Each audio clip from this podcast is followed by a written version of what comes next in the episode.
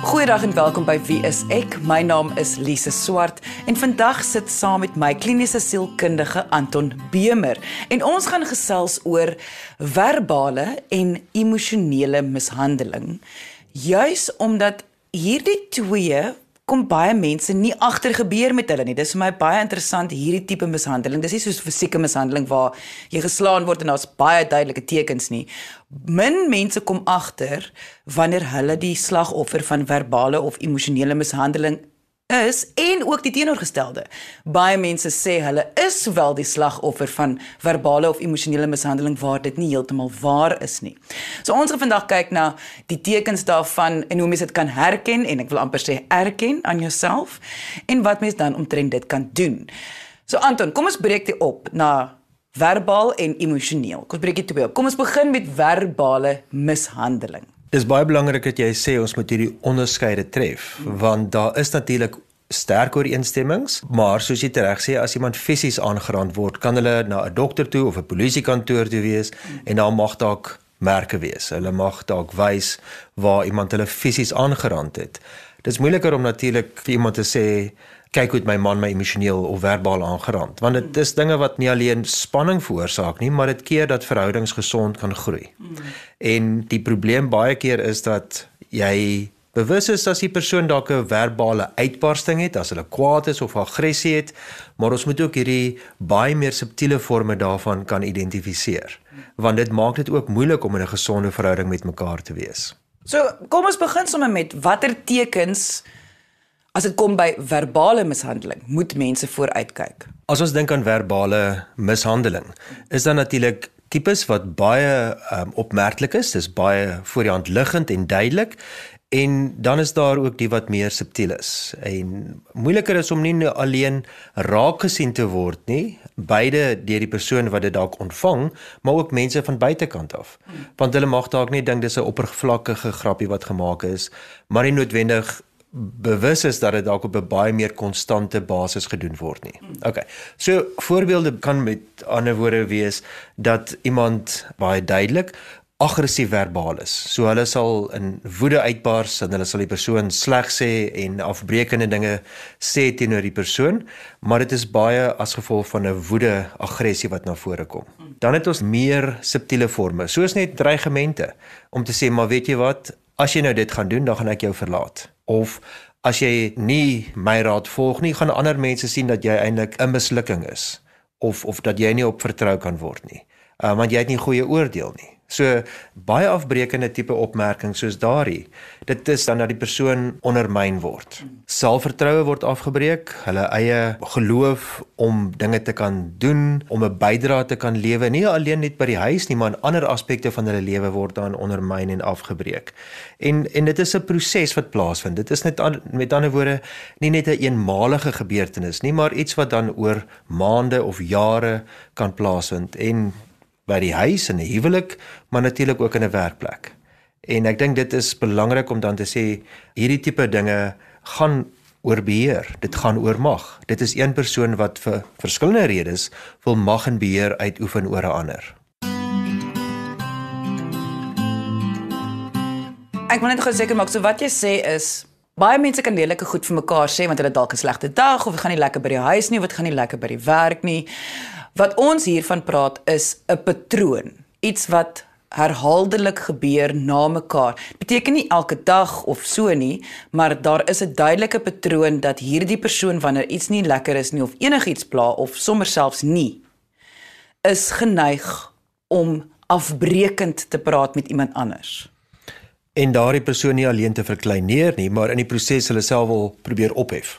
Met ander woorde, hulle wil die ander persoon afdruk sodat hulle dalk goed mag lyk of omdat hulle moontlik selfs bedreig kan wees deur die ander persoon. Kom as jy in 'n werkplek byvoorbeeld en ek is jou bestuurder en nou breek ek jou af want ek wil nie hê dat jy dalk my werk moet oorneem of beter moet vertoon as ek nie. So as ek jou kan kry om minderwaardig te voel of selfvertroue te verloor, dan gaan ek dalk na 'n baie beter persoon by die werk lyk. En dit maak dit bitter moeilik want weer dit kan baie subtiel wees en ander mense mag nie bewus wees daarvan nie. Maar oor 'n tydperk gaan so uh, proses van afbreekende kommentaar, ehm um, nie alleen verbale nie, maar emosionele misbruik natuurlik hierdie ontvanger daarvan baie sleg beïnvloed emosioneel, fisies en dit mag dan ook wees dat hulle na tyd besluit, weet jy wat, maar hulle is nutteloos. Hulle kan nie regtig bydra aan lewe nie en dan kan dit baie meer ernstige probleme soos depressie veroorsaak. Jy het gesê dat daar is verskillende redes hoekom iemand sal mag wil hê oor iemand anders. Kan ons miskien praat oor wat kan moontlike redes wees? Want dit, ons kom tog maar eintlik hier op neer dis 'n boelie gedrag, hmm. né? So watse redes sal daar moontlik kan wees hoekom iemand hierdie mag wil hê? Een van die redes mag wees dat hierdie persoon self onderliggende angs en onsekerhede mag hê. Maar hulle is nie bereid om dit te ontken nie. Hulle wil met ander woorde nie self as weerloos of onseker voorkom nie en daarom sal hulle dit eerder omskakel in aggressie of dat hulle dominerend wil wees en dan sal mense nie dink dat hulle ook voete van klei het nie. So daardie dominansie is dan eintlik gegrond op onsekerheid.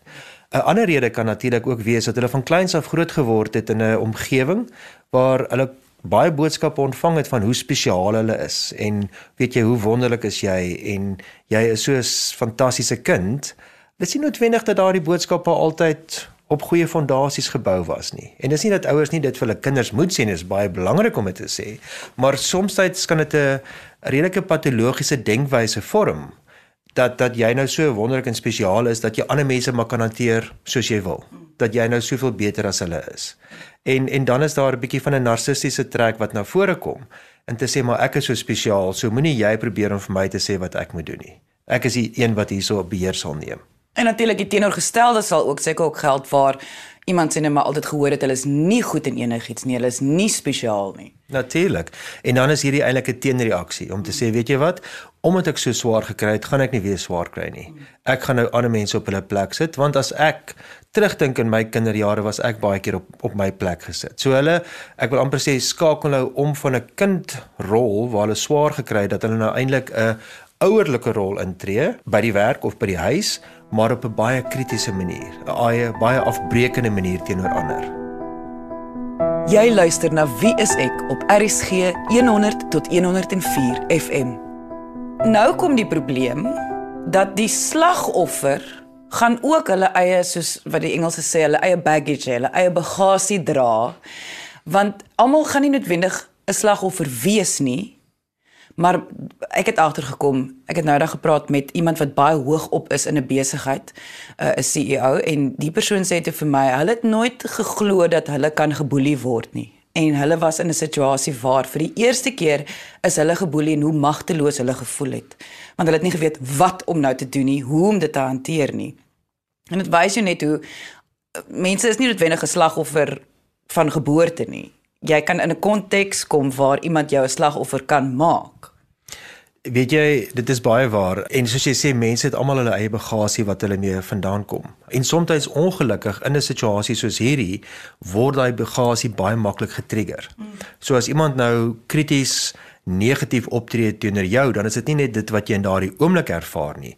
Dit bring ook herinneringe terug dalk van jou eie kinderdae, toe jy ook dalk die slagoffer van misbruik was. En dit kon dalk gewees het by die skool waar ander kinders jou geboelie het of by die huis selfs waar jy dalk ehm um, gereeld kritiek ontvang het of of ehm um, uh baie negatiewe dinge oor jouself moes gehoor het wat nie noodwendig waar was nie.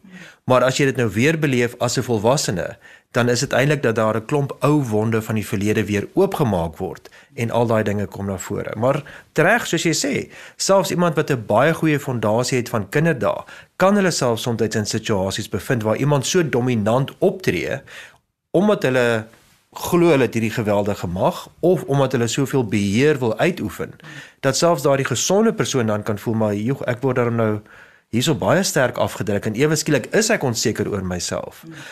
Mens moet wel weer eens onderskei dat soos jy kom as jy op die sportveld soms teen 'n baie goeie teenstander te staan kom en daai persoon kan jou baie domineer alhoewel jy baie goed is. Dit is nie noodwendig altyd misbruik nie. Want in daardie kom ons sê raadsaal is daar dit ook amper soos 'n sportwedstryd waar hier twee opponente teenoor mekaar is. En dan gaan dit nie net in terme van hoe die een persoon dalk die ander een verbaal oorheers nie, maar dit gaan ook in terme van 'n inner krag wat na vore kom. En die ander persoon kan ook voel maar jog, ek ek voel bietjie oorweldig deur hierdie ander persoon se selfvertroue of of se kennis van die vakgebied of wat dit ook al mag wees. So 'n mens met al daardie ander fyn nuances ook in ag neem. Ek sou sê dis juist waar die patroon nou weer inkom. Mens moet altyd uitkyk vir daai patroon. Verseker. En ek dink dat die impak van verbale of emosionele mishandeling is nie as gevolg van een keer nie of twee keer nie. Dit is oor 'n lang tydperk wat mense dan waarneem waar die rolverdeling in enige verhouding of dit twee kollegas is of dit in 'n huwelik is, daar een persoon wat met ander woorde die heeltyd probeer om hierdie magsposisie in vas te hou en baie keer deur direkte metodes, baie keer baie subtiele metodes die ander persoon afbreek, blameer, verkleineer en ook hulle eie gedrag dan regverdig om byvoorbeeld te sê ja maar sy het dit verdien. Sy is net nie goed genoeg nie. En dit ons ons praat te maklik van hy en sy. Dit is natuurlik gedrag wat beide kante toe gaan. Dis nie net mans wat verbale misbruik of emosionele abusers kan wees nie.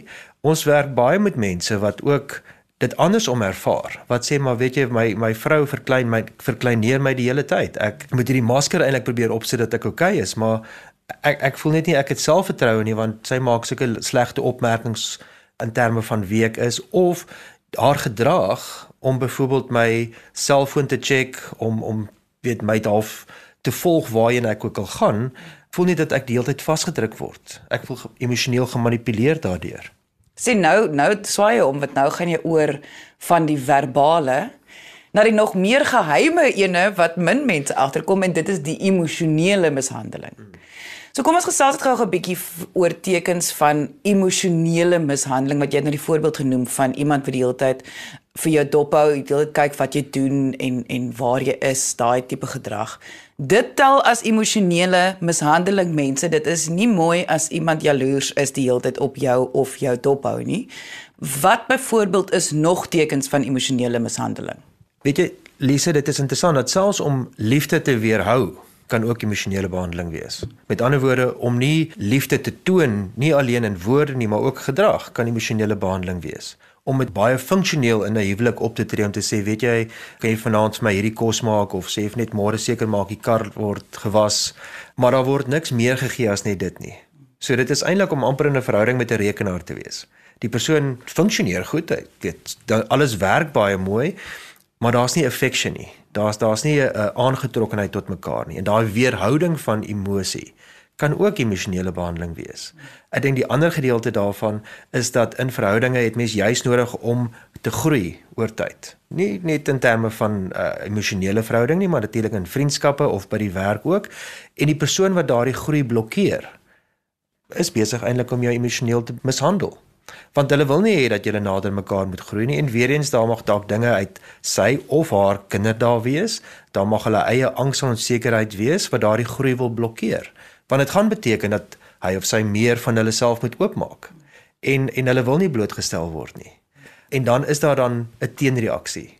Om verbaal dalk afbreekend te wees ehm um, dinge af te lag wat vir jou belangrik is. Jou keuses van kos of uh, kleredrag ensovoorts negatief te reageer daaroor dat jy hierdie ervaring het maar jou emosies jou jou innerlike lewe word nie ernstig opgeneem nie. Kan ons net miskien noem wat is emosionele mishandeling nie? Ek dink dit gaan help om te verstaan uh, vir mense wat dit presies is omdat jy so 'n moeilike onderwerp is. As jy in die kantoor is en jou bestuurder sê vir jou hierdie taak moet teen Vrydag klaar gemaak word en ek het dit vir jou Maandag al gesê. Weet waar is ons? Weet jy kan ook nou baie onseker voel van jouself en voel maar joh, my baas is nou nogal hard op my.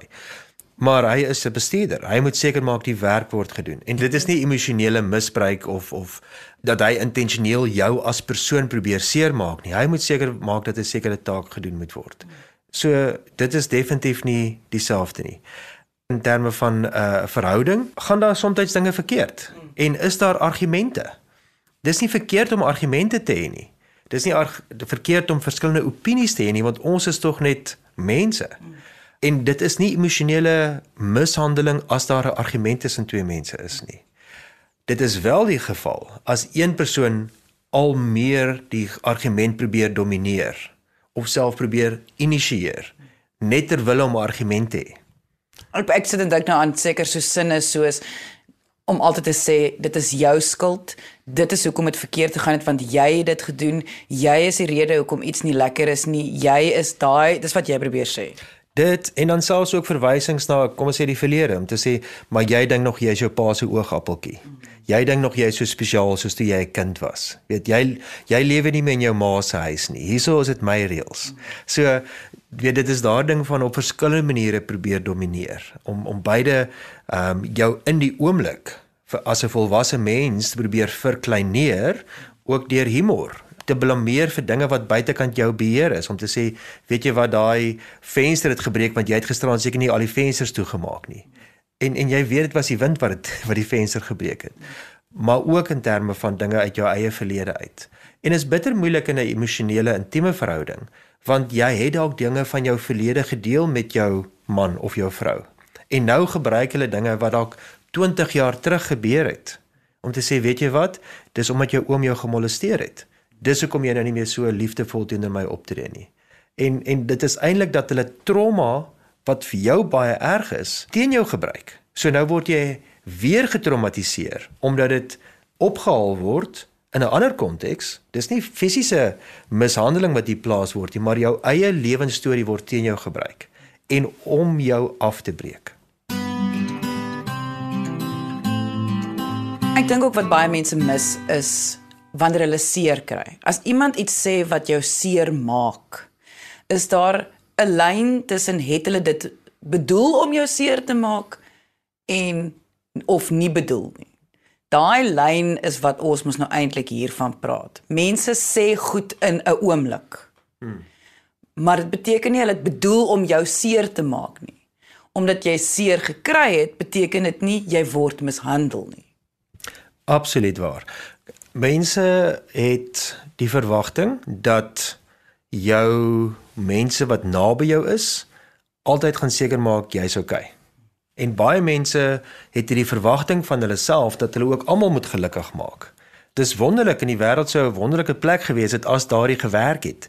Maar dit gewerk nie, werk nie altyd so nie. En soms is iemand op 'n slegte plek en hulle reageer dalk sleg op iets wat niks met jou uit te maak het nie, maar jy vat dit persoonlik. Jy voel nou hierdie persoon het nou daarop uitgegaan om jou seer te maak. Die ander gedeelte ook is as jy al baie seer gekry het in jou lewe, gaan jy dalk meer sensitief wees vir iemand se woorde. En dit mag iemand wees wat baie lief is vir jou, maar nou omdat hulle op hierdie dag iets krities gesê het, nou is dit vir jou verskriklik sleg. En dit beteken met ander woorde dat jou, ek gaan dit sê, emosionele draagkrag dalk nie altyd so sterk is nie. So jou vermoë om inligting wat na jou kant toe kom, goed te prosesseer op 'n volwasse manier te deurdink en om daardie emosies te hanteer wat jy mag hê. Daardie draagkrag is nie altyd so sterk nie omdat jy in die verlede dalk deur slegte tye gegaan het. So dit is natuurlik dan iets wat van beide kante af kom en ek dink dit is belangrik om die hele konteks in gedagte te hou. As iemand ook vir jou sê iets waarvan jy nie hou nie, dan moet jy ook dalk in gedagte hou is dit dalk iets anders wat hierdie persoon pla op die oomblik. Is daar iets by die werk, is daar finansiële bekommernisse of of wat dit ook al mag wees wat maak dat hulle gespanne is en dalk dalk vinniger iets sê, iets meer krities sê as wat hulle gewoonlik sal doen. Jy luister na Wie is ek op RSG 100 tot 104 FM. Goed, so wat doen 'n mens dan? Soos ons nou gesê, dit is baie kompleks en daar dit kan voor die hand liggend wees of nie. Dit kan voor die skerms gebeur of agter die skerms gebeur. Dit gaan van elke individu wat nou luister wat in so 'n situasie is afhang om dit te identifiseer. Maar wat doen jy dan? Jy moet bewus wees, kom ons sê 'n huwelik, dat dit wegneem van jou jou emosionele veiligheid, jou fisiese veiligheid en selfs jou finansiële sekuriteit as jy agterkom maar hierdie man is besig om 'n klomp geld uit ons rekening uit te neem en jy weet nie waar dit gaan nie of hy deel nie die hele finansiële state met jou nie, jy bespreek nie die budget nie en daar mag dalk 'n klomp dinge wees. So jy gaan eerstens moet verantwoordelikheid vat vir jouself. En ek weet ons begin altyd daarmee, maar jy gaan moet seker maak dat jy emosioneel sterker word, dat jy fisies gesond is en dinge wat spanning uit jou lewe kan neem, moet jy aan deelneem. So maak seker dat jy oukei okay is. Ek dink in die tweede plek so baie keer word die persoon wat in die slagofferrol is geïsoleer. So jou man of vrou of wie ook al of selfs 'n kollega by die werk probeer jou ondersteuningsnetwerk minder maak. Hulle probeer jou by die huis hou op verskillende maniere en sê maar weet jy wat jy gaan nie saam met jou vriendinne uit nie. Ek dink dit is goed vir jou nie. Of daai slegte vriend van jou weet ehm um, hy ek sien hy maak moves op my.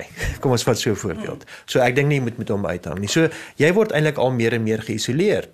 En dit is so belangrik om jou ondersteuningsnetwerk, jou vriende, familie om daai verhouding sterk te hou. Dat jy nie alleen hoef te deel met al hierdie dinge wat gebeur nie. Dis belangrik om te sien hoe die dinge uitspeel. Ons praat baie van die patroon. Daar is 'n sekere dinamiek wat uitspeel. Byvoorbeeld, die persoon kom van die werk af, hy's baie knorrig, hy haal 'n klomp van sy frustrasies uit by die werk en dan gaan sit en dan sê nee, dit was net 'n grappie geweest. Hy het dit nie so bedoel nie. Maar môre aand gebeur dieselfde ding weer. En en ek dink dit is belangrik om dan ook te sien in watter omstandighede eskaleer dit.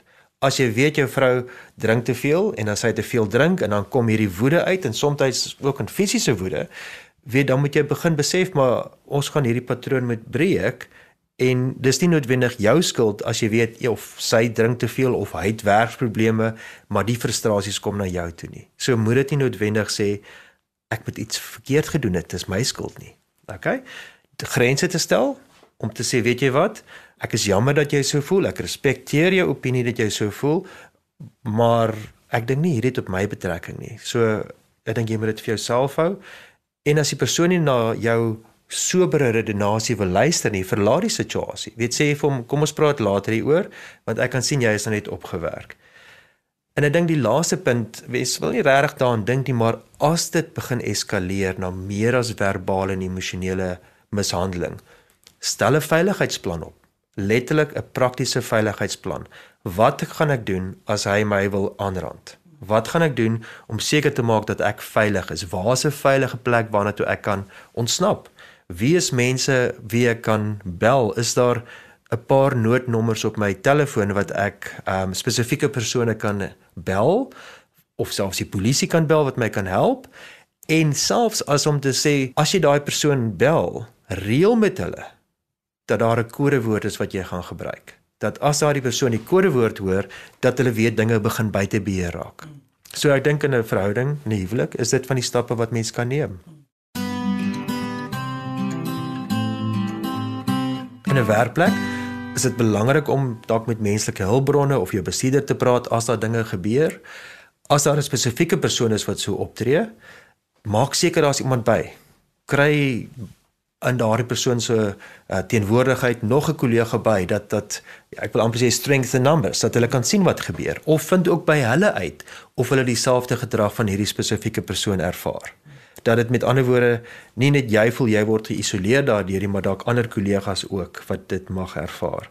En ek wil self sê in sulke omstandighede maak 'n opname van die persoon se uitbarstings teenoor jou.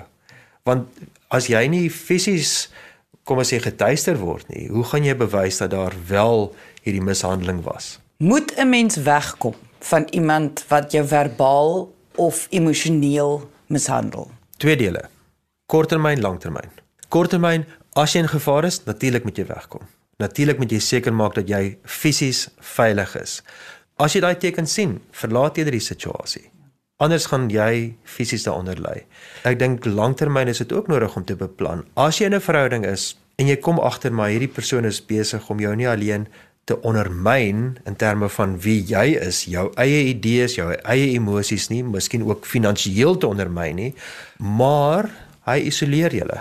Weet hy dwing sy manier van leef of weet sy idees op jou af en, en jy weet dit is nie goed vir jou nie dan gaan ek dink jy gaan ook vir jou moet 'n langer termyn plan met opstel en besluit of jy in hierdie verhouding wil wees of nie.